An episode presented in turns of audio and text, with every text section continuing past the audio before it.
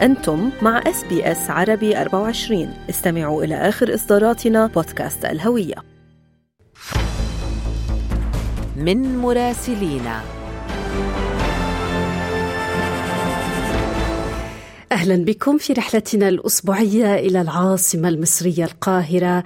أنا بترا طوق الهندي وينضم إلينا من العاصمة المصرية القاهرة مراسلنا محمد الشاذلي للإضاءة آه، على أبرز المستجدات في سنه مضت. يعني آه، اليوم عندنا آه، سنة فيها العديد من الأحداث على الساحة المصرية اقتصاديا سياسيا ثقافيا. وفي سنه يعني كأنه عم تطوي صفحاتها الأخيرة بفوز ومع فوز الرئيس المصري عبد الفتاح السيسي بولاية رئاسية ثالثة صباحك خير محمد وكيف ستطوي سنة حافلة بالأحداث صفحاتها الأخيرة سياسيا؟ يعني كانت سنة صعبة فاز الرئيس السيسي بولاية جديدة الانتخابات جرت بسهولة ويسر ربما بسبب الانشغال بالحرب في غزة وربما بسبب غياب المنافسين للسيسي. وأرجع البعض غياب المنافسة بسبب آه، ضعف الهياكل والتكوينات السياسية الحزبية وتهافت النخب، كذلك عدم نزول أسماء آه، ثقيلة الوزن أمام السيسي ولدى البعض الآخر بسبب نجاح السيسي في السنوات العشر الماضية في تحقيق إنجازات وطرح أفكار وطنية ومباشرة لموضوعات ومشروعات آه، قومية.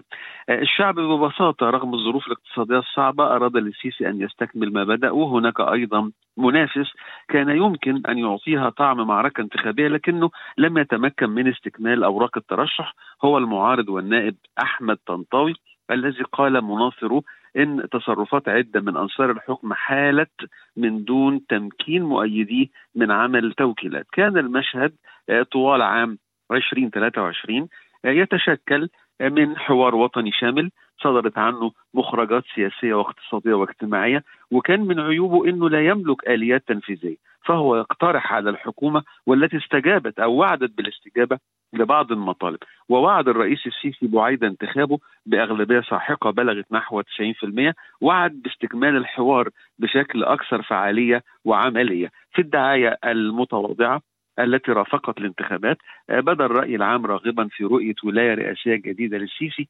تتضمن تحسين ظروف المعيشة آه، لطبقات واسعة في المجتمع المصري. ومن الجانب السياسي آه، انفتاح على الديمقراطية ومزيد من دعم حقوق الإنسان.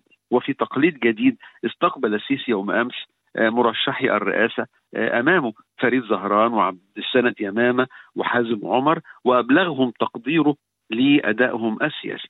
تأمل المعارضة في الولاية الجديدة للرئيس السيسي بإصلاح سياسي واسع والإفراج عن السجناء السياسيين آه، ومن هم رهن الحبس الاحتياطي وإشراك خبراء من كل الاتجاهات في اتخاذ القرارات الاقتصادية وفي تخطيط المشاريع القومية. محمد اقتصاديا سنة من التحديات الاقتصادية عصفت بالعالم بأسره من الحرب الروسية على أوكرانيا، الحرب في السودان، الظواهر المناخية وأخيرا الحرب على غزة ومصر ليست ببعيدة عن كل هذه التحديات، كيف تقرأ هذه السنة اقتصاديا وهل من مخاوف من تعويم جديد للجنيه المصري؟ الموضوع متشابك بطبيعة الحال لأن ملف غزة يضغط على الأعصاب الوطنية في مصر لأنه كان أحد أبرز الملفات في 2023 ومنذ اليوم الأول لحرب إسرائيل على غزة والتي أعقبت هجوم غير مسبوق لحماس ضد إسرائيل فإن مصر عملت على وقف إطلاق النار والوساطة في الإفراج عن محتجزين واستقبال وإدخال المساعدات الدولية لغزة وعقدت قمة القاهرة للسلام وشاركت في قمة الرياض الطارئة في نهاية شهر أكتوبر وتشددت وما تزال في رسالتها إلى المجتمع الدولي بأنها لن تقبل سياسة التهجير القسري آه، لسكان غزة نحو سيناء. وقال السيسي بوضوح ومبكرا إن التهجير قد يقود إلى حرب مصرية إسرائيلية وأخذت جانبا طويلا من نقاشات الرأي العام في مصر مسألة التهجير بمقابل والتي طرحتها تقارير إعلامية لحل أزمات مصر الاقتصادية. ولكن المواطن المصري اعتبره أمرا سخيفا لأن استقبال فلسطينيين شيء والمقابل بغيض للنفس مهما كانت الإغراءات ويستقر لدى دوائر الحكم في القاهرة وجود ممارسات ومحاولات ونوايا إسرائيلية مبيتة لفرض تهجير قسري للفلسطينيين خارج أراضيهم، كل هذا ضغط على الاقتصاد المصري وزاد من تحدياته وهو كان يأمل في التعافي يعني رغم التحدي الذي قدمه الرئيس السيسي في شهر مايو الماضي من أنه لن يقبل بتعويم جديد للجنيه. ورغم صدام القاهرة التي أجلت المراجعة الأولى مع صندوق النقد الدولي الذي يصر عليها فالحرب في غزة أثرت على تعافي السياحة الذي ينظر إليه في مصر باعتباره قاطرة أساسية في تحسين دخل الدولة وأثرت على دخل قناة السويس بسبب التهديدات في البحر الأحمر. بينما حالة شح الدولار التي كانت موجودة قبل الحرب زادت بعدها وتلقي بظلالها على نقص مستلزمات الإنتاج في الصناعة ونقص في الأدوية والمستلزمات الطبية وارتفاع أسعار السيارات والسلع المعمرة والسلع الاستهلاكية سواء المستوردة أو المحليه وارتفاع اسعار العقارات. بمعدلات غير مسبوقة تضخم وصل في شهر نوفمبر الماضي إلى 36% ولم يعد الجنيه المصري بامكانه شراء الكثير وارتفعت طوال العام شكاوى المصري خصوصا من الطبقات الفقيرة والمتوسطة ما اضطر الحكومة إلى رفع تاني في الحد الأدنى للأجور لكنه كزر الرماد في العيون.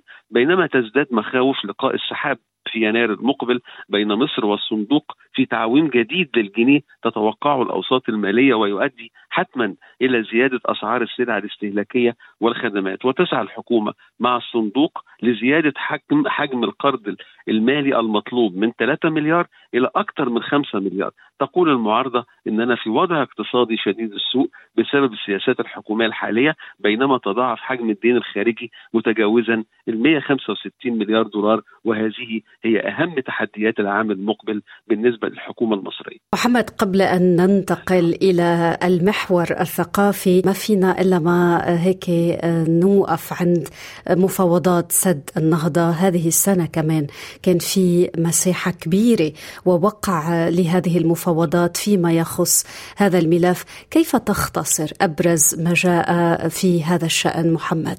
كان هناك أمل أن تنتهي في أربعة أشهر الوفود من الدول الثلاث مصر وإثيوبيا والسودان تنتهي إلى اتفاق ملزم ونهائي وتمت حوالي أربع جولات من التفاوض كل مرة في أديس أبابا ومرة في القاهرة وأخيرا في أديس أبابا.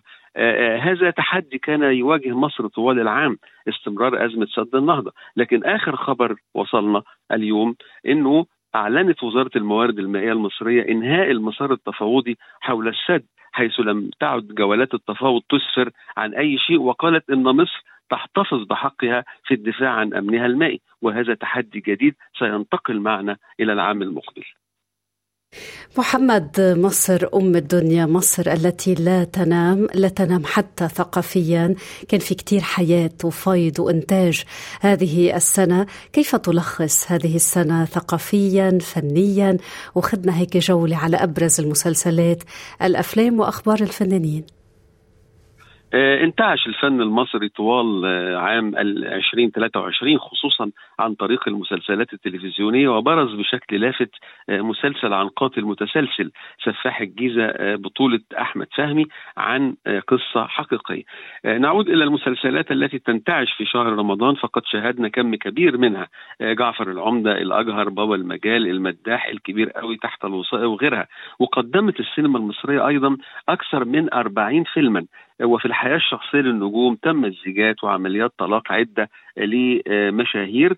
ولكن في النهاية الوسط الفني أو الحالة الحالة الفنية المصرية لا تزال على بارقها وتستطيع بانتظام أن تقدم أعمال فنية يمكن أن يرضى عنها الجمهور. في مقابل أعمال أخرى قد لا يرضى عنها الجمهور. بالنسبة للثقافه مارست الاوبرا دورها المعتاد في نشر الأعمال رفيعة المستوى وأيضا دور النشر أصدرت عديد من الكتب المهمة هذا العام وأيضا نبدأ العام الجديد 2024 بمعرض القاهرة الدولي للكتاب وأعرف إنه العديد من الناشرين يحضرون قوائم مهمة للفت الأنظار في هذا المعرض. محمد بهالرسالة الأخيرة لهذه السنة شكرا من القلب لك رفقتنا طيلة السنة كنت عم تاخذنا اسبوعيا إلى أم الدنيا مصر بنلتقي السنة اللي جاية بأخبار جديدة بعايدك محمد وشكرا من القلب لك كل سنة وأنت طيبة وسنة جديدة إن شاء الله أسعد من السنة الماضية.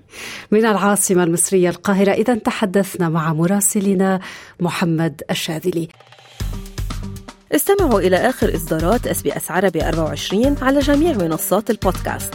تابعوا بودكاست الهوية في موسمه الثاني الذي يروي قصصا واقعية تعكس تحديات الانتماء التي يواجهها الشباب العربي في أستراليا.